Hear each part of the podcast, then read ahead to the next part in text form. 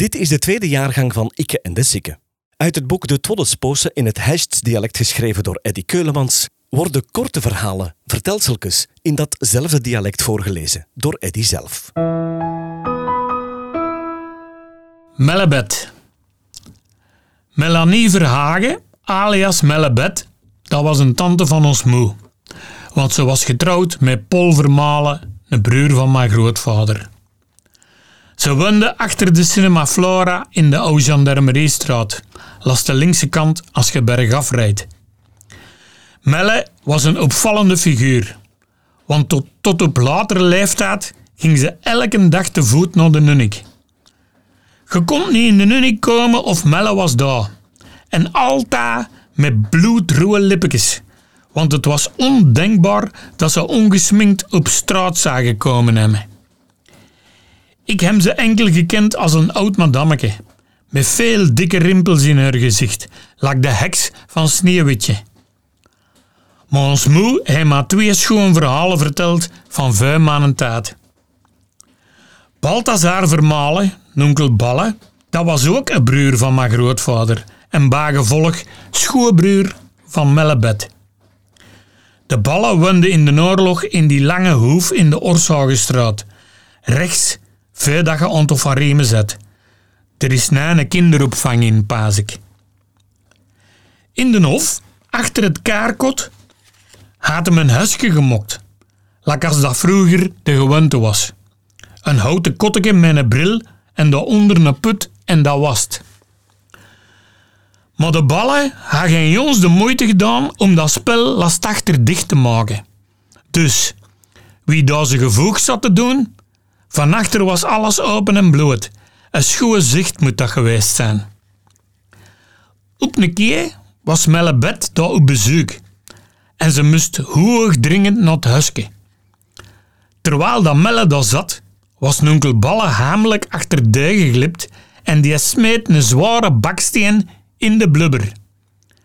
Melle kreeg natuurlijk een ferme dress tegen haar gat en ze heeft van coleren een half jaar niet meer gesproken tegen de ballen.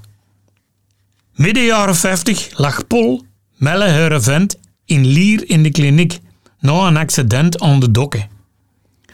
Om geld uit te sparen, reizen elke dag met haar vrouw naar Lier in plaats van met een trein.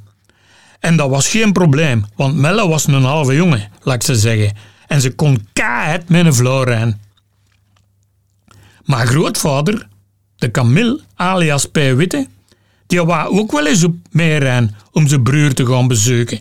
En daarom hebben ze een tandem gehuurd. Toen dat ze terug van Lier kwamen, die, toen vroeg ons moe aan P. Witte... Amai, va, dat was het een en tander zeker, zo met Melle op die tandem. Konde ga die wel even met trappen? Zwacht stil, zei de P. Die rij zo het.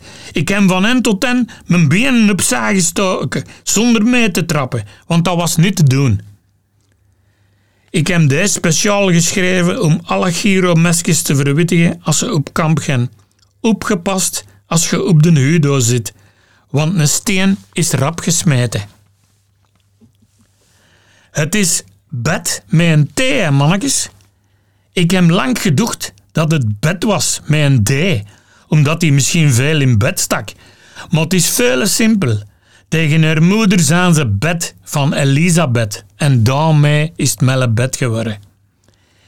En daarbij, veel in bed steken, dat was al Melle niet besteed. Want iedere dag schreef ze met grote passen naar de Nunnik en daarna naar Daakmans om sigaretjes. Maar het rare was, in die toebak was Melle niet geïnteresseerd. Die gaf ze terug en ze nam alleen het houten kistje mee. Want Melle was zot van zo'n kistjes en blekke doosjes en posturkes. Haar was was juist de grot van Alibaba.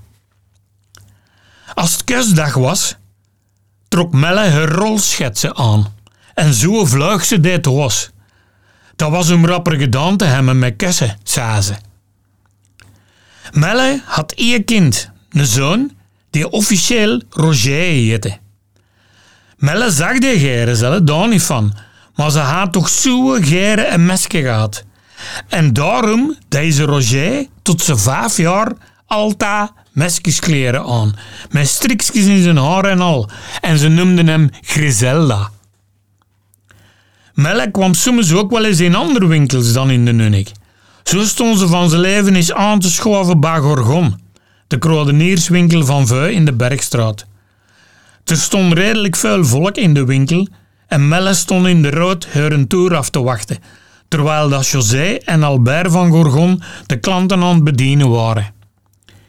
In Jons zag Melle een jonge gast vlak voor haar neus een zwette stek chocolade van de toog grabbelen en die mokte dat hem de winkel wat was.